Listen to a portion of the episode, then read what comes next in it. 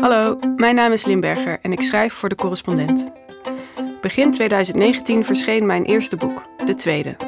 Het gaat over ouders en kinderen, broers en zussen, herhaling en herkenning. En het audioboek doen we je graag cadeau.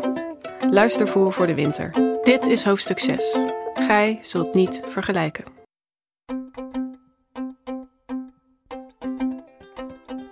Hoe ziet ons gezinsleven eruit nu mijn vriend en ik twee kinderen hebben? Dat hoorde je hiervoor. Nu zoom ik in op de vraag: waarom vergelijken we kinderen zo vaak met elkaar? Wat hebben zij en wij daaraan? Hoofdstuk 6. Gij zult niet vergelijken. Hoe we onze kinderen tot elkaars maatstaf maken. De eerste was de enige. Ze kwam zonder vergelijkingsmateriaal. We hadden andere baby's en kinderen in onze omgeving, maar die zagen we niet vaak genoeg om er heel specifieke verwachtingen op te baseren. Ze boeiden ons denk ik ook niet genoeg. Mensen zonder kinderen, observeert Rachel Cusk in In het Land van Moeders, lijken niet bepaald geïnteresseerd in wat mensen met kinderen erover te zeggen hebben. Ze benaderen het ouderschap monter, met alle onschuld van Adam en Eva voor de zondeval. Onze dochter was de eerste en de enige en leerde ons wie ze was. Sui generis, op haar eigen voorwaarden. Natuurlijk waren er de curves van het consultatiebureau waar haar eigen ontwikkeling eens in de zoveel tijd tegen werd afgezet, maar dat waren abstracte, veralgemeniseerde maatstaven die weinig invloed uitoefenden op hoe wij onze dochter zagen. Het was ongetwijfeld anders geweest als ze ziek was geweest, of een huilbaby, of haar ontwikkeling verstoord. Maar nu konden we precies die montere ouders zijn waar Kask het over schrijft. Bij de tweede ging het anders. We wisten min of meer waar we aan begonnen. Het vergelijken ving al tijdens mijn zwangerschap aan. In tegenstelling tot de eerste kwam de tweede niet precies op de uitgerekende datum. Hij is te laat, mopperde ik toen ik die ochtend wakker werd met een buik die nog net zo rond en groot was als de nacht ervoor. Bij zijn geboorte, nog geen 24 uur later, was hij zwaarder dan zijn zus was geweest. Na de bevalling huilde hij langer en harder en hartverscheurender dan zij had gedaan. Hij dronk meer en hij dronk vaker. Haar uitdrukking in die eerste weken had vaak iets fels gehad, iets pissigs. Hij keek eerder een beetje geschrokken en bezorgd, vond ik. Zij maakte na acht weken nachten van twaalf uur. Zijn slaappatroon bleef ruim een jaar grillig en onvoorspelbaar. Hij liep een maand later. Zijn woedeaanvallen duurden minder lang. En zijn eerste woordje was niet appel, maar die. Onze dochter wordt vier en gaat voor het eerst naar school. Op de eerste maandagochtend van het nieuwe jaar brengen we haar weg. Mijn vriend, mijn zoon en ik. Het is nog donker buiten en ijskoud. Lamplicht tuimelt door de ruiten van het schoolgebouw naar buiten en wordt daardoor de nog vochtige stoeptegels gereflecteerd. Het geeft een filmisch effect. De scène op het schoolplein voelt tegelijkertijd vertrouwd en surreëel. Ik herinner me nog precies hoe het voelde om zo'n lawaaierige, springerige kinderstroom in te lopen, op weg naar een ingang, naar het begin van een dag. Maar niet eerder deed ik het als ouder.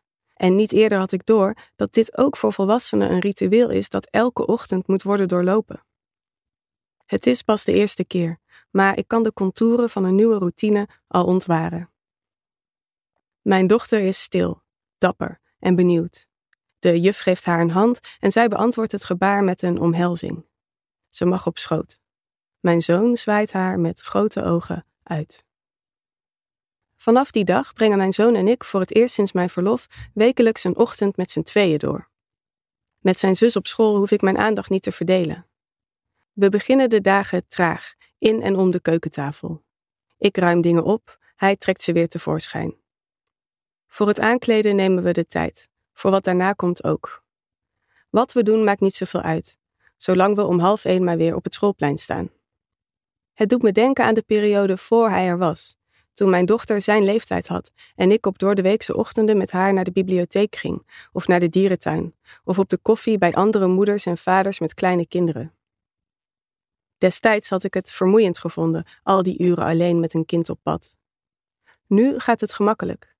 Vergeleken met de dagen waarop ik ze alle twee bij me heb, is de tijd met één kind overzichtelijk en rustig, kalm en knus. Hij is aan het veranderen, merk ik op zulke ochtenden. Of misschien is mijn beeld van hem aan het veranderen. Dat kan ook. Hij begrijpt meer, wil meer en kan meer dan voorheen het geval was of dan ik tot nu toe doorhad. Het is dan ook vrij subtiel. Dat hij weet wat ik bedoel wanneer ik zeg dat we naar de winkel gaan. Aanwijst waar mijn schoenen liggen wanneer ik ze kwijt ben. De betekenis kent van woorden die hij nog niet kan uitspreken, maar kennelijk wel al heeft opgeslagen. Het is me niet eerder opgevallen dat hij hier al was, dat hij dit al kon. Misschien komt het doordat normaal gesproken mijn dochter net iets eerder is met het zoeken van de boodschappentas, het vinden van mijn schoenen, het benoemen van de wereld om ons heen. Of misschien ben ik al die tijd vooral bezig geweest met het in de gaten houden van twee kinderen. Was ik vooral gefocust op hun onderlinge band en interacties. En was het daardoor lastiger hun afzonderlijke ontwikkeling te volgen. Hoe dan ook krijg ik pas oog voor hoe groot hij begint te worden nu zijn grote zus even niet naast hem staat.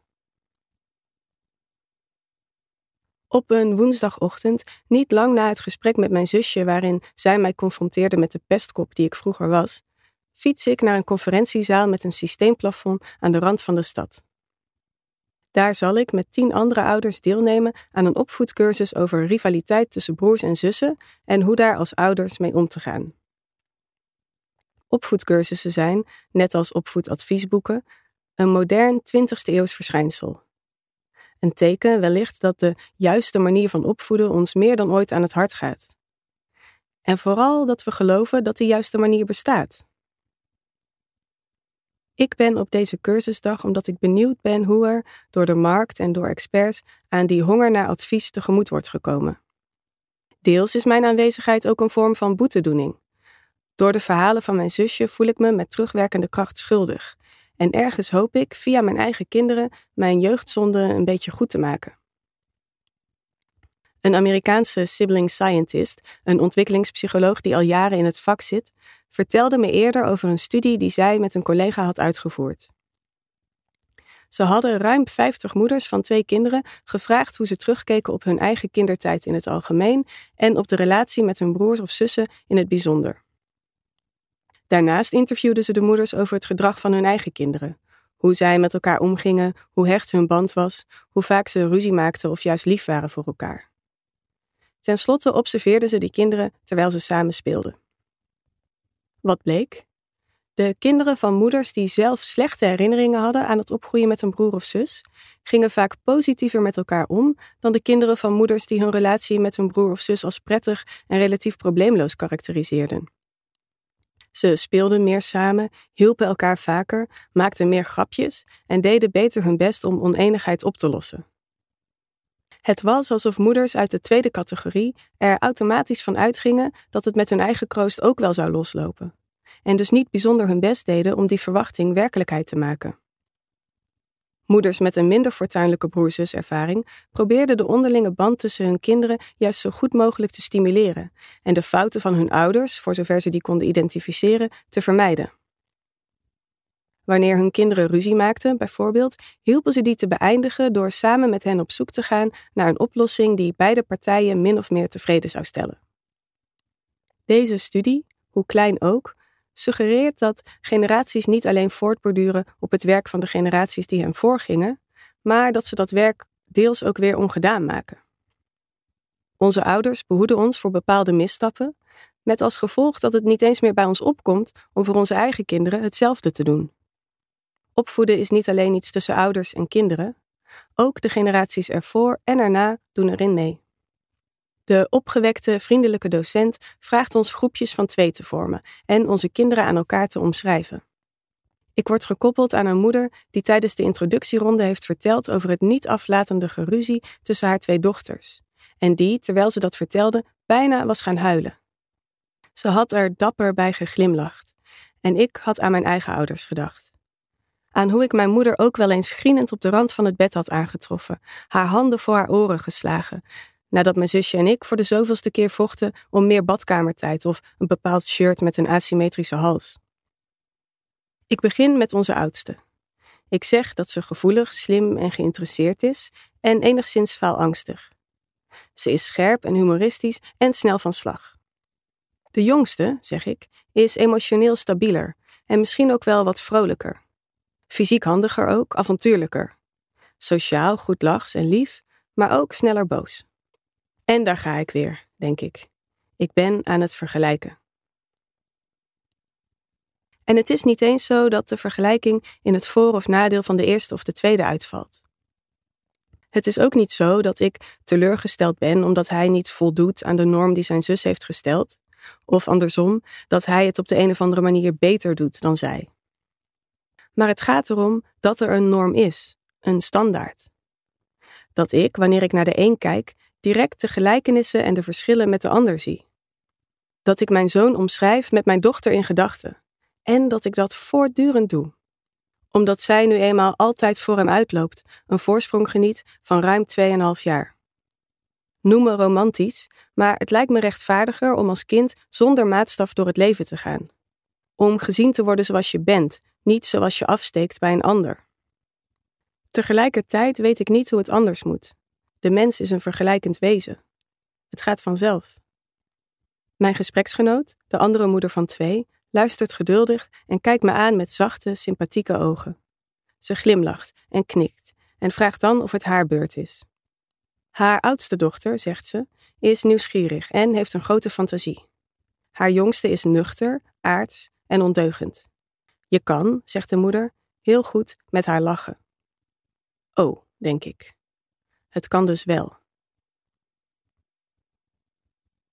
Ouders die hun kinderen openlijk met elkaar vergelijken, vertelt de docent later die dag, creëren als vanzelf de voorwaarden voor rivaliteit. Of dragen daar in elk geval aan bij. Ze bevestigt waar ik op bange dagen voor vrees. Dat mijn neiging om mijn ene kind te omschrijven met mijn andere kind in gedachten ook tot uiting zal komen in mijn gedrag, op manieren waarvan ik me misschien maar amper bewust ben. Dat de opgewektheid van mijn zoon me bijvoorbeeld vrolijk zal stemmen, mede vanwege het contrast met het ochtendhumeur van mijn dochter. Of andersom. En dat ik dan net iets liever zal zijn voor het kind dat me vrolijk maakt. En dat al die onbewuste signalen bij elkaar mijn kinderen vormen, hen het gevoel geven dat ik hen niet lief heb zoals ze zijn, maken dat ze elkaar als concurrenten zien. Al zijn er natuurlijk nog veel meer oorzaken te bedenken van rivaliteit tussen broers en zussen, bedenk ik terwijl de docent verder praat. Van diezelfde Amerikaanse ontwikkelingspsycholoog hoorde ik dat binnen haar vakgebied lang werd geloofd dat kinderen ruzie maken om de aandacht van hun ouders te krijgen. Maar toen onderzoekers broers en zussen gingen observeren en ondervragen, kwamen ze tot heel andere conclusies.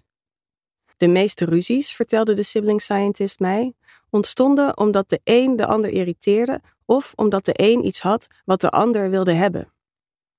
Ouders konden wel een rol spelen in het verdere verloop van zulke ruzies, maar met het ontstaan ervan hadden ze vaak genoeg helemaal niets te maken.